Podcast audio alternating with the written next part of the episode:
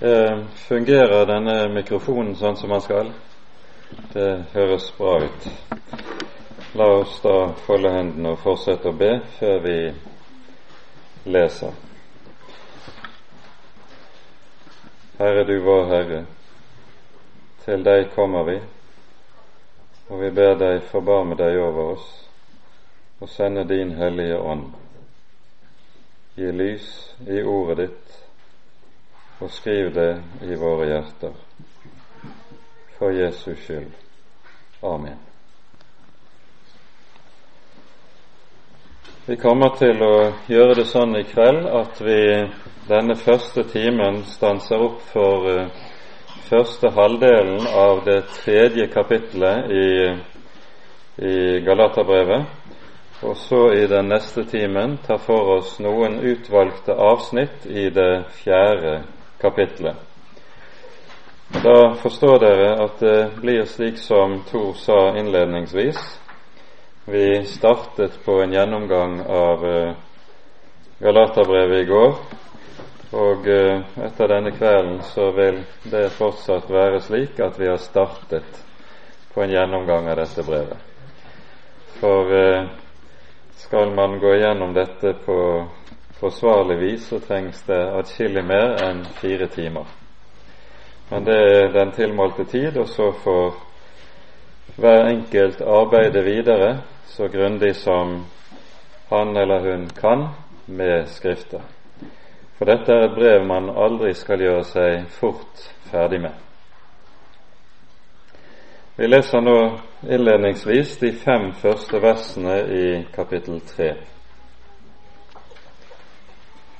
Dere uforstandige galatere, hvem har forhekset dere? Dere som har fått Jesus Kristus malt for øynene som korsfestet. Bare dette vil jeg få vite av dere. Var det ved lovgjerninger dere fikk Ånden, eller var det ved å høre troens forkynnelse? Er dere så uforstandige dere begynte i ånd, vil dere nå fullende i kjød. Så meget har dere opplevd forgjeves, om det da virkelig er forgjeves. Når Gud altså gir dere Ånden og gjør kraftige gjerninger iblant dere, gjør Han det ved lovgjerninger eller ved at dere hører troen forkynt?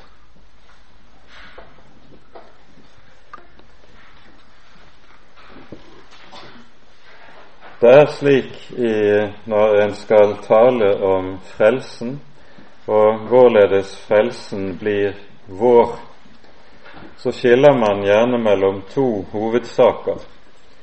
Vi taler om frelsen selv, og dernest om frelses tilegnelsen. Og Her er sammenhengen i Galaterbrevet slik at når vi leser de siste versene i kapittel 2, slik som vi hørte det i går, så taler apostelen der nettopp om selve frelsen. Mens han så her i begynnelsen på kapittel 3 taler om frelses tilegnelsen. Saken er nemlig den at her møter vi en meget viktig linje rent kirke- og teologihistorisk. En skillelinje som går mellom eh, også de ulike protestantiske kirkesamfunn. Det store spørsmålet er nemlig, når vi hører budskapet om den frelse Jesus fullbyrdet for oss for 2000 år tilbake, så er jo dette et budskap om bestemte gjerninger som Gud har fullført i historien. Men det er jo en lang avstand mellom det som skjedde på Golgata for 2000 år tilbake, og det som er oss og vår situasjon i det moderne Norge i år 2013.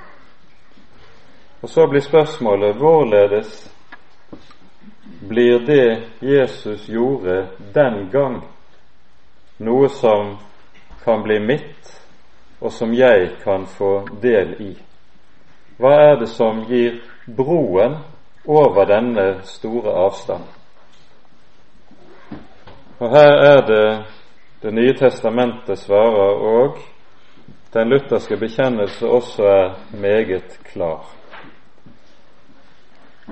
Gud har gitt oss bestemte midler, bestemte verktøy, gjennom hvilke Han rekker oss og lar oss få del i den frelse som Jesus fullbyrdet for 2000 år tilbake. Og Det er dette vi kaller for nådens midler. Og det er det Paulus taler om i vårt avsnitt. Og det er dette også Luther utlegger for oss i eh, forklaringen til tredje artikkel i Lille katekisme.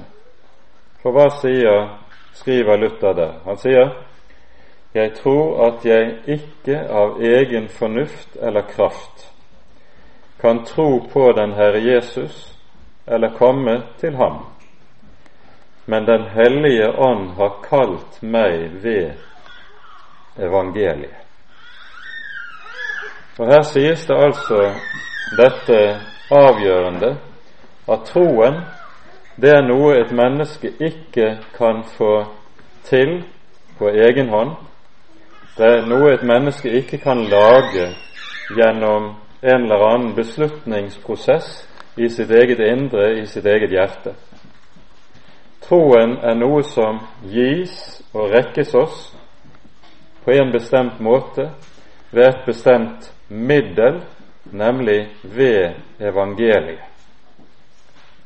Og Det er just det apostelen skriver om i dette avsnittet som vi her har lest. Dere uforstandige galatere, hvem har forhekset dere? Dere som har fått Kristus Jesus malt for øynene som korsfestet. Med den siste setningen så beskriver apostelen sin forkynnelse når han var i Galatia.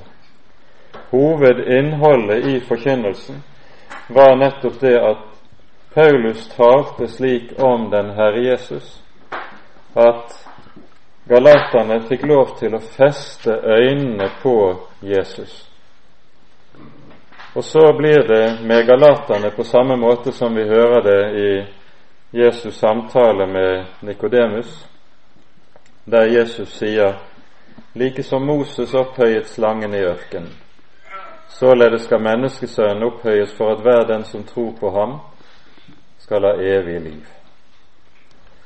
Det som jo skjedde i ørkenen, ikke sant, det var dette at som en Guds dom over synden, så ble det sendt slanger inn i Israels leir. Slangene bet meget av folket, og eh, mange døde. Og så kommer folket til Moses og bekjenner sin synd og sier vi har syndet. Be til Gud for oss at han skal ta slangene fra oss.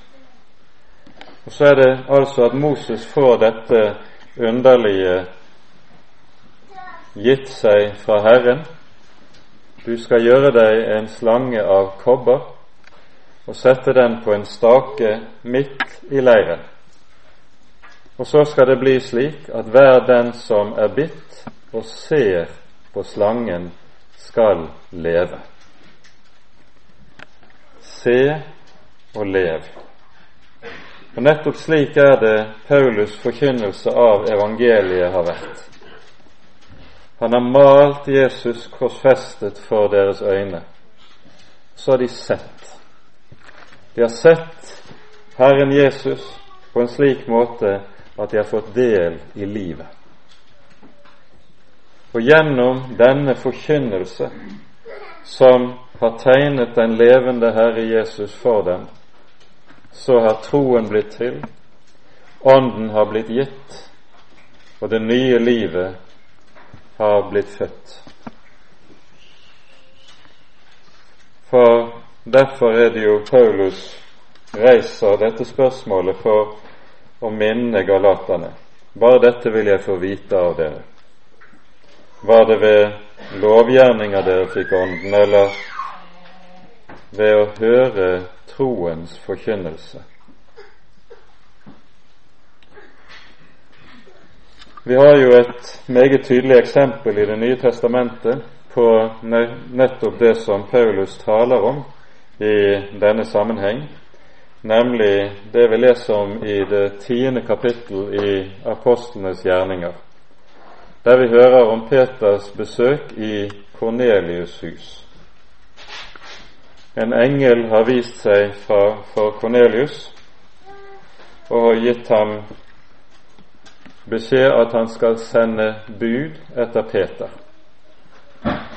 Og når Peter refererer dette i det ellevte kapittelet i apostelgjerningene, så sier engelen til Kornelius følgende ord om Peter. Han skal forkynne deg ord som du skal bli frelst ved. Legg merke til den uttrykksmåten. Han skal forkynne deg ord som du skal bli frelst ved. Og så sendes det bud på Peter. Han kommer inn i Kornelius' hus og forkynner evangeliet. Og så står det på om slutten av Peters tale at han vitner om Jesus og sier Ham gir alle profetene det vitnesbyrd, hver den som tror på ham, skal få syndenes forlatelse i hans navn. Og så står det da de hørte dette, falt Ånden på alle dem som hørte Ordet. Altså, Ånden ble gitt gjennom at Ordet ble forkynt. Ikke gjennom at Kornelius og de øvrige tilstedeværende fikk beskjed om at nå skal dere gjøre slik og slik og slik, så skal dere bli frelst. De hørte, og med hørelsen gis Ånden. Som nevnt så står vi her overfor en grunnleggende skillelinje som går gjennom kristenheten og teologihistorien. Og Vi kan illustrere det med noe som jeg av og til bruker som eksempel på dette. Det skjedde i forbindelse med Billy Graham sin store evangeliseringskampanje på begynnelsen av 70-tallet i Europa. En av kveldene så hadde han talt sterkt, tydelig og godt om Jesus som Guds lam som bærer verdens synd. Og han sa ingenting galt i den sammenheng. Men når det nærmer seg slutten av talen, så sier han følgende Nå har Jesus gjort sitt. Nå må du gjøre ditt. Og Tankegangen var da den at Jesus har fullbyrdet frelsen for 2000 år tilbake. For at du skal få del i den, så må du gjøre noe bestemte ting. Og så får forsamlingen da, som sitter og lytter til dette, beskjed om hva de må gjøre for at det Jesus fullbyrdet på korset, skal bli ens egen eiendom og så ødelegger han hele evangeliet med det. For da er det jo nettopp slik at evangeliet ikke likevel gis for intet. For at jeg skal få del i det, må jeg nemlig gjøre det ene og det annet og det tredje. I dette utsagnet som lød her, nå har Jesus gjort sitt. Nå må du gjøre ditt. Så snus evangeliet så å si på hodet. For det første fordi det med et sånt utsagn, så slår han bena under alt han har sagt om hva Jesus gjorde. For hele poenget med frelsesverket på korset, hva er det? Det er jo nettopp at Jesus ikke gjør sitt. Jesus gjør mitt. Når Jesus lider døden på korset, så lider han døden som din og min stedfortreder. Han lider det jeg skulle lidd under Guds dom, under lovens dom. Jesus gjør mitt. Det er det ene. Og så er det det annet at når frelsestilegnelsen beskrives som noe jeg skal gjøre selv, enten gjennom en viljesbeslutning, man kaller det en overgivelse, eller hva det nå må være, det kan være forskjellige saker, så blir hele poenget det at frelsestilegnelsen det er noe som hviler på noe jeg gjør. Men det Høylus lærer oss her i Galatane 3, det er at frelsestilegnelsen også er et Guds verk. Ordet som lyder nemlig, det er et ord som er et virkekraftig ord.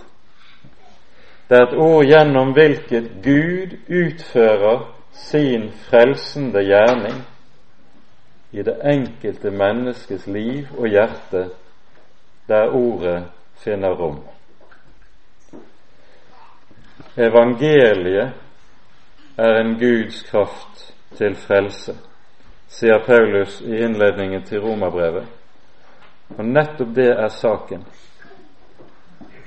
Og Derfor er det også slik, som det har vært sagt, hvordan er det det går til at et menneske blir en kristen. Det er ikke jeg som finner troen. Det er troen som finner meg. Det er ikke jeg som finner Jesus. Det er Jesus som finner meg. Og han finner meg gjennom at det lyder et bestemt budskap. Det er ordet i evangeliet som har denne kraft i seg til frelse. Paulus, når han stiller dette spørsmålet som vi her hører, bare dette vil jeg få vite av dere. Var det ved lovgjerninga dere fikk Ånden, eller var det ved å høre troen forkynt? Så skjønner vi at dette er i Paulus munn et retorisk spørsmål. For han vet meget godt at galaterne vet svaret her. De behøver bare tenke tilbake på hva som skjedde da de fikk del i frelsen. Så vet de svaret. Og så er poenget da, når vi hører fortsettelsen, er dere så uforstandige. Dere begynte i ånd, vil dere nå fullende i kjød. Så skjer da det at der et menneske kommer inn under loven, der kommer det også til å fullende i kjød. For det loven gjør, det er nettopp det at den ansporer det gamle mennesket i dets religiøs, religiøsitet, i dets streben. Og det gamle mennesket, det vil stadig søke dette å forbedre seg selv. Men vi hørte i går det gamle mennesket kan ikke og skal ikke forbedres. Det gamle mennesket skal dø. Og det er noe ganske annet. Det gamle mennesket skal dø, og så skal noe ganske nytt skapes og tre frem det nye mennesket som bare kan bli til ved evangeliet. For det er evangeliet, ikke loven, som har denne skaperkraft i seg som vi her hører om. Paulus reiser spørsmålet to ganger i teksten vi har hørt. Når Gud altså gir dere Ånden, og gjør kraftige gjerninger iblant dere, gjør han det ved lovgjerninger, eller ved at dere hører troen forkynt. Forskjellen på spørsmålet i vers 2 og det som lyder i vers 5, det er at det som sto i vers 2, lød i fortid. Var det ved lovgjerninger dere fikk Ånden?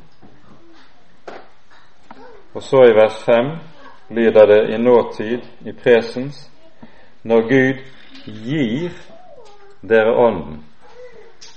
Poenget her er det å få del i evangeliets rikdom, Åndens gave. Det er noe som ikke er en engangsbegivenhet som skjedde da jeg fikk del i frelsen første gang, og så er du ferdig med det og skal gå videre til noe annet. Dette er noe som skjer som en del av det grunnleggende i det kristne liv. Luther bruker et eget uttrykk om dette. Han sier troen er ikke noe du har, på samme måte som du kan ha en stein i lommen. Troen er en levende og virksom ting, noe som du får, og som gis deg på ny og på ny gjennom at du hører og møter evangeliet på ny og på ny. Og Dette evangelium det gis oss først og fremst gjennom ordets rette forkynnelse, der det skilles og skjelnes rett mellom lov og evangelium. Men vi har også andre nådemidler. Evangeliet gis og rekkes oss også gjennom Den hellige dåp. Dåpen er evangelium og ikke lov. Og evangeliet rekkes oss gjennom Den hellige nattvær. Nattværen er evangelium og ikke lov. Og Derfor er det også slik at det å være en evangelisk luthersk kristen, det har vært kalt for det å være en nådemiddelkristen. Det betyr at jeg vet at skal jeg i det hele tatt eie livet i Kristus, livet i evangeliet, så er det avhengig av at jeg bruker disse nådens midler på ny og på ny kommer for å høre evangeliet. Jeg trenger å høre det igjen og igjen. På ny og på ny kommer og bøyer kne ved Herrens bord og blir rakt Kristi eget legeme og blod. For uten dette kan jeg ikke leve. Her er saken den at her finner vi en av de grunnleggende skillelinjer som går i religionenes verden.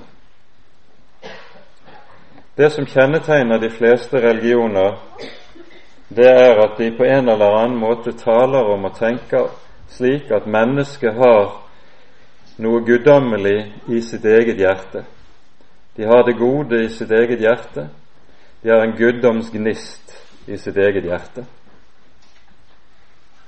Men slik Bibelen lærer oss om hvem det falne mennesket er, så lærer Skriften oss at det falne mennesket ikke har det aller ringeste tilbake i sitt eget hjerte av noe guddommelig, noe som Gud kan gjøre seg bruk av hvis jeg skal kunne være et Guds barn og et kristent menneske.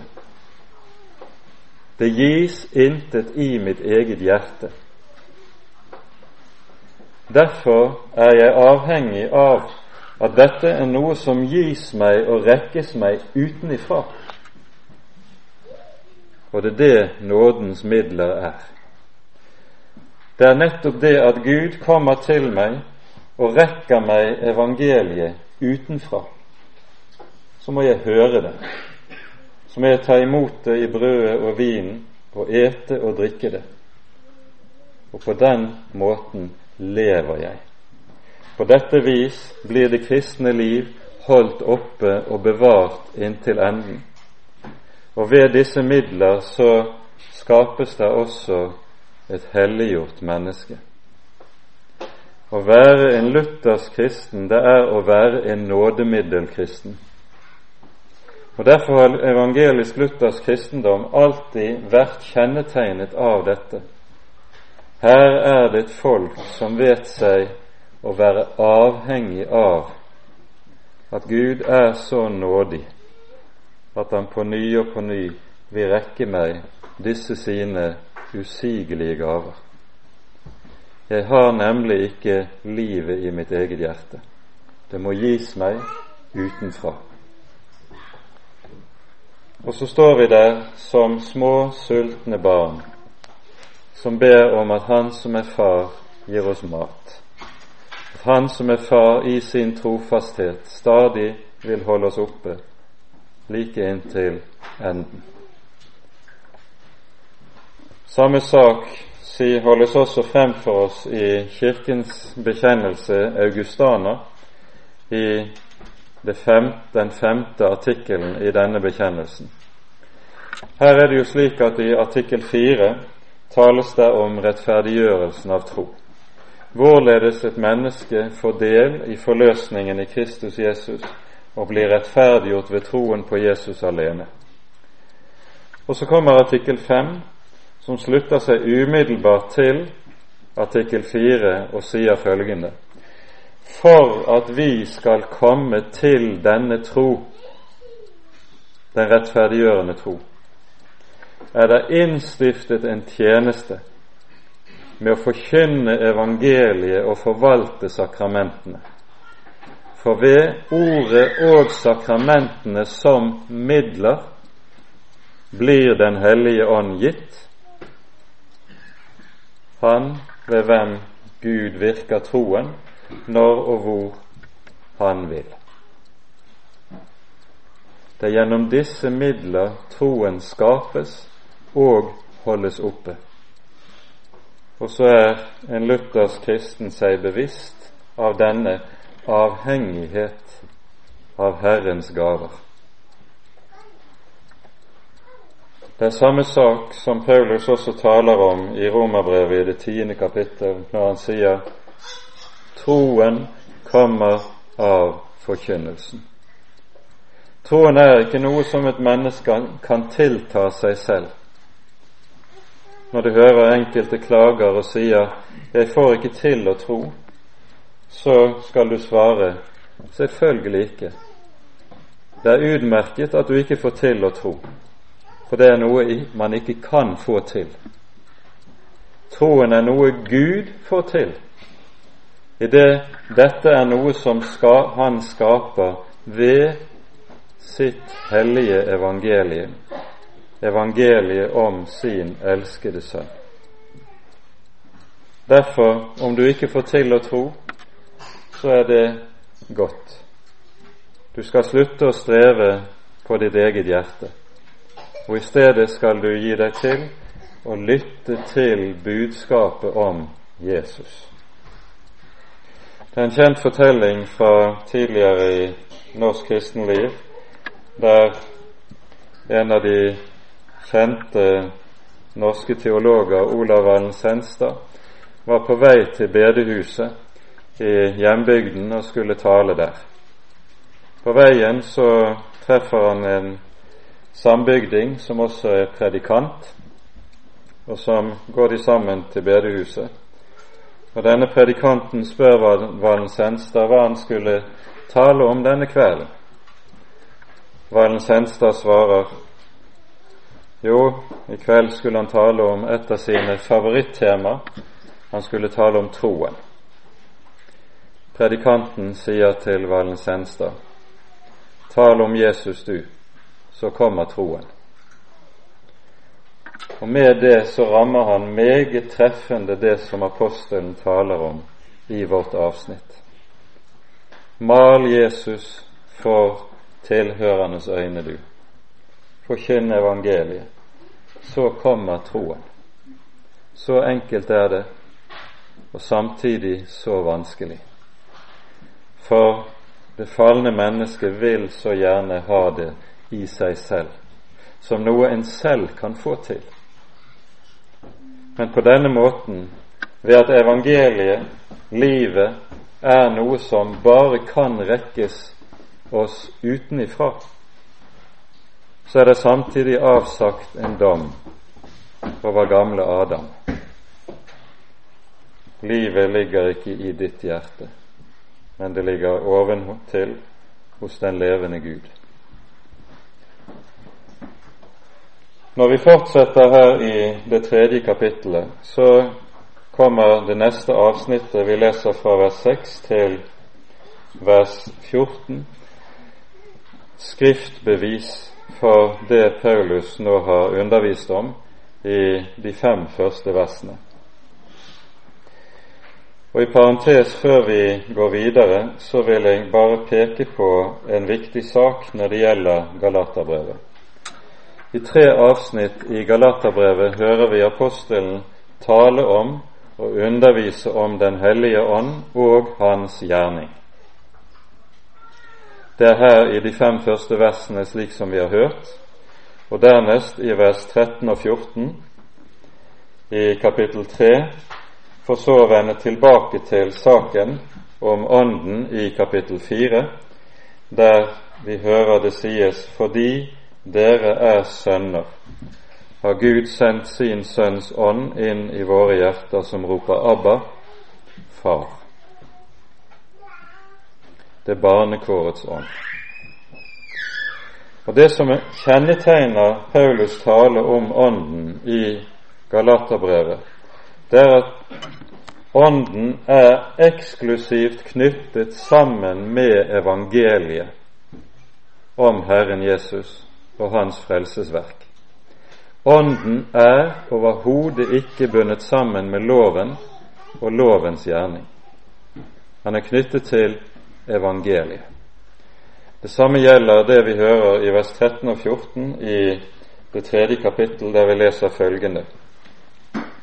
Kristus kjøpte oss fri fra lovens forbannelse ved at han ble en forbannelse for oss for det står skrevet:" Forbannet er hver den som henger på et tre.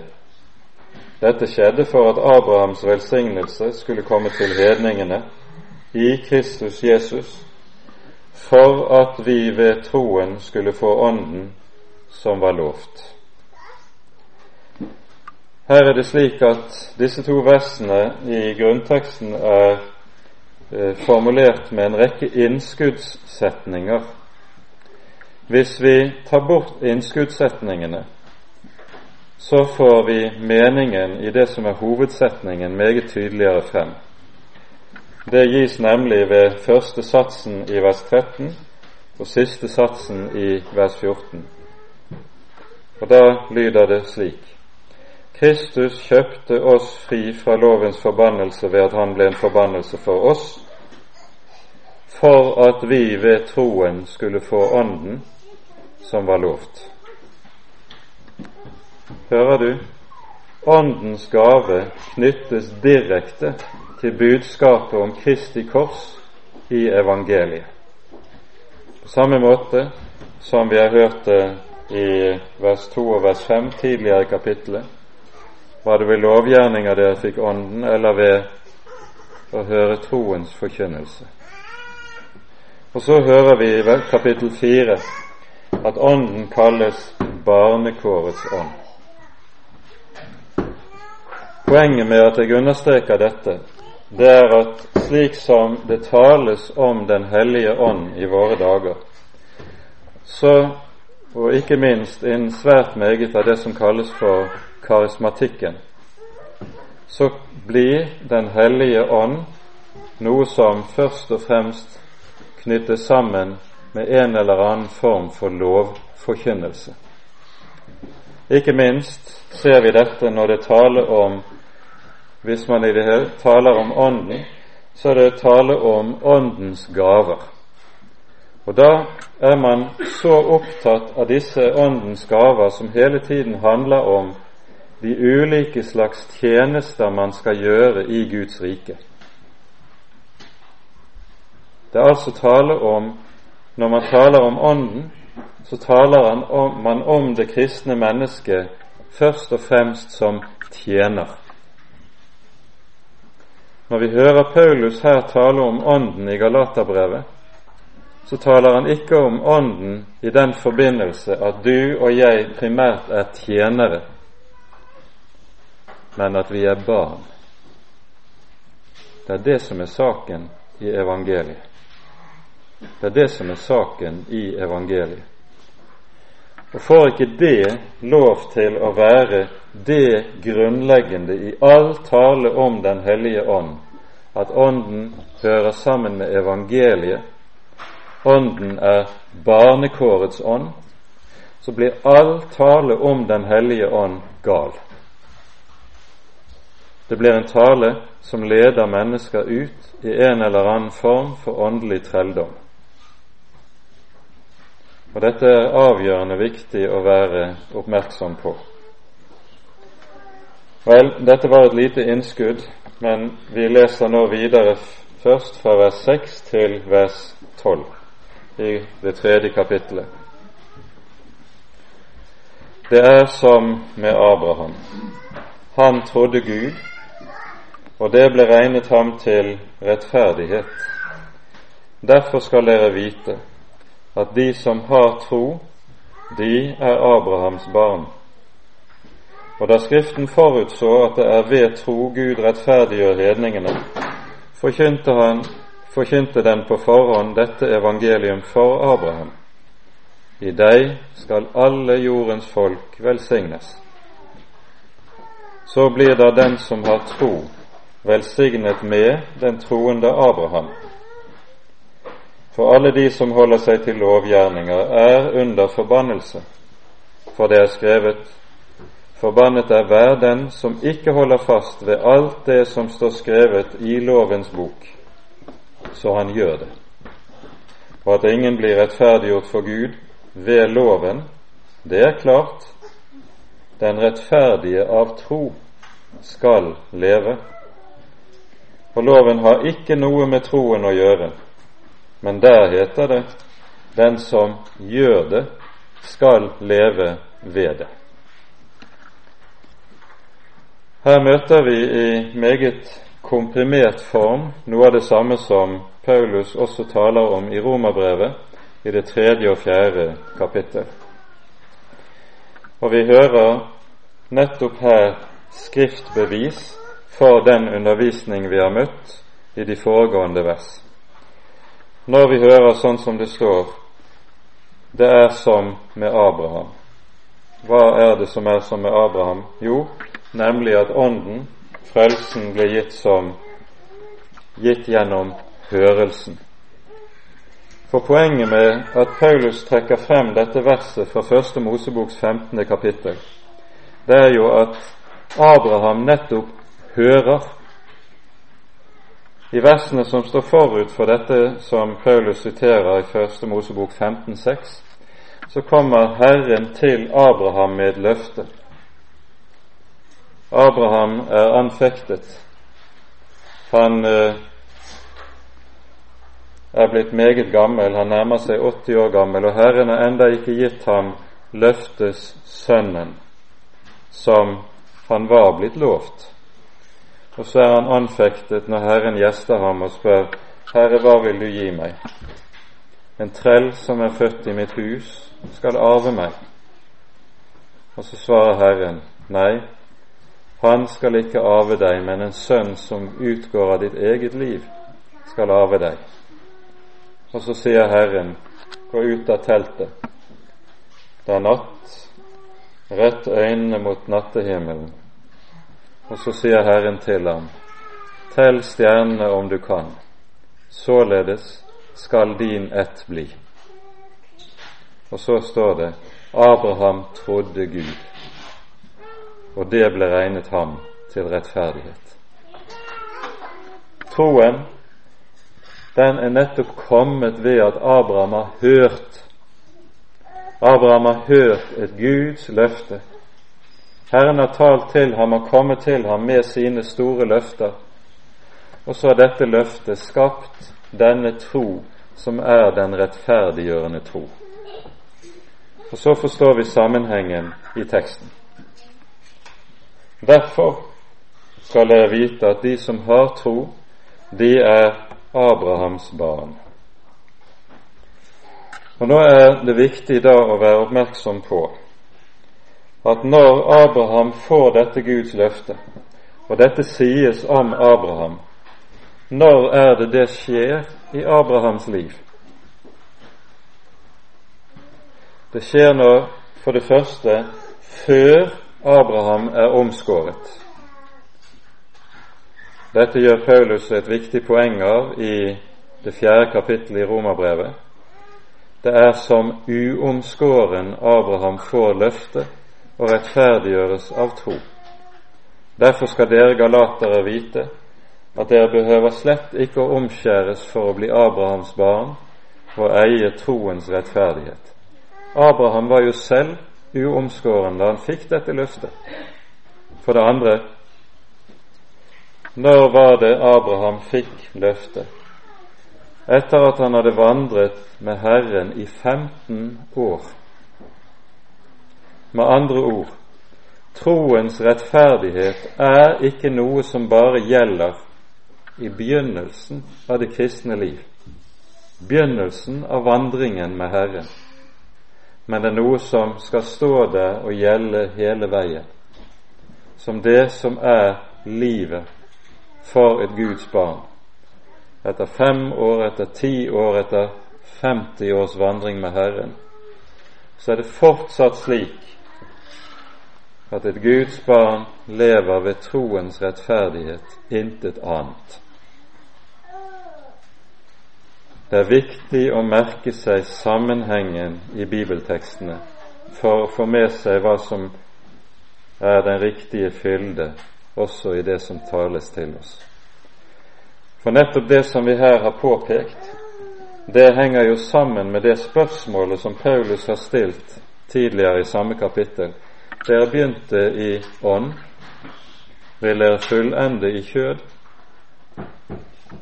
Kommer dere under loven, så fullender dere kjød. Vil dere være Abrahams etterkommere, så skal dere, også når dere har levet som kristne i så lang en tid, så skal dere fortsatt leve på samme grunn som da dere kom til troen. Bare slik vil dere også fullende i ånd, og ikke i kjød. Så holdes det frem i fortsettelsen forskjellen på troens rettferdighet og lovens rettferdighet. Og Her er det vi ser hvorledes Paulus underviser om den grunnleggende forskjell på loven og evangeliet. Det som er noe av hovedinnholdet både her i Galaterbrevet og i Romerbrevet. I vers 12 skriver Paulus, som vi hørte det, loven har ikke noe med troen å gjøre. Ja, tenk det. Loven har ikke noe med troen å gjøre. Og hva er det nå, om vi skal sammenfatte enkelt og tydelig og klart, hva er det som er den store forskjell på loven og evangeliet? Vi skal peke på et par sentrale hovedtrekk. Det første er at loven det er et Guds bud som kommer til oss og sier du. Du skal, du skal ikke. Og så legges Guds krav frem for oss, hvorledes Gud i sin hellige lov krever av deg og meg dere skal være hellige, for jeg, Herren deres Gud, er hellig. Det er lovens krav i en sum. Men loven har altså dette med seg. Den peker på deg og på meg og sier 'du skal'. Evangeliet, det er et ord som slett ikke peker på deg og på meg, slett ikke sier 'du skal', 'du skal ikke'. For det er slik at alt som sier 'du skal' og 'du skal ikke' i Skriften, det er lov. Evangeliet peker ikke på deg og sier 'du skal', men den peker på Guds sønn og sier 'Han har gjort'. Evangeliet peker alltid på Guds sønn og forteller hva Han har fullbyrdet til menneskers frelse. Loven og evangeliet har en fellesnevner. Begge to kommer til oss med et løfte. Loven sier 'gjør det, så skal du leve'. Gjør det, så skal du arve Guds velsignelse. Gjør det, så skal du leve lenge i landet. Evangeliet kommer med det samme løftet. Evangeliet lover evig liv, Guds velsignelse, den fullkomne salighet i Guds rike. Forskjellen på lovens løfte og evangeliets løfte er at lovens løfte er betinget. Det er et løfte som er betinget av at du gjør slik som loven krever. Hvis du gjør det, så skal du leve. Hvis du gjør det, så skal du arve velsignelsen. Evangeliets løfte har det med seg at det er et ubetinget løfte. Evangeliets løfte er et løfte som ikke kommer og sier 'hvis du tilfredsstiller kravene, så skal du leve'. Men det kommer ubetinget og forteller meg en bestemt sak.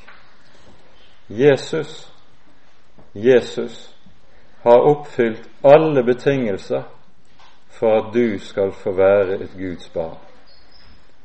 Du skal få være et Guds barn på en annens regning. På at Jesus har gått i ditt sted, er din stedfortreder, har sonet for alle dine synder og oppfylt hele Guds lov i ditt sted. Det er evangeliet. Loven krever rettferdighet av meg, noe som er et krav som er umulig. Loven kommer med et krav som slår meg i hjel. Evangeliet kommer med en rettferdighet som rekkes meg som en ferdig gave. Og så skal jeg få vite den nye rettferdighet det er ikke noe som jeg kan få til, og som blir en kvalitet ved meg selv. Den nye rettferdighet, det er Jesu Kristi person. Det er Jesus som er min rettferdighet, og som gjelder for Gud. Jesus er min hellighet. Jesus er mitt liv. Og så skal jeg få lov til å leve på det Han er, ikke det som jeg er i meg selv, eller prøver å være i meg selv. Loven har ikke noe med evangeliet å gjøre, skriver Paulus. Og Så hører vi altså avsnittet avsluttes sånn som vi allerede har lest det. For om det enn er slik at dette evangelium gis og rekkes deg og meg for intet, så betyr ikke at det, det at dette er noe som er billig. Det er noe som er usigelig dyrebart. Fordi om det ikke koster deg noe å få del i det, så har det kostet Gud alt at du skal få det. Kristus kjøpte oss fri fra lovens forbannelse ved at han ble en forbannelse for oss. For det står skrevet:" Forbannet er hver den som henger på et tre. Dette skjedde for at, hver, for at Abrahams velsignelse skulle komme til hedningene i Kristus Jesus, for at vi ved troen skulle få Ånden som det var gitt løfte om. Han ble en forbannelse for oss. Så henger han der i mørket, i mørket på korset, og roper ut sitt Min Gud, min Gud, hvorfor har du forkastet meg? Og så er han forkastet for at du aldri skal bli det. Så er han forlatt for at du aldri skal bli det. Om dine synder er aldri så store, om dine synder er aldri så mange, de er båret, de er betalt, og så er du fri.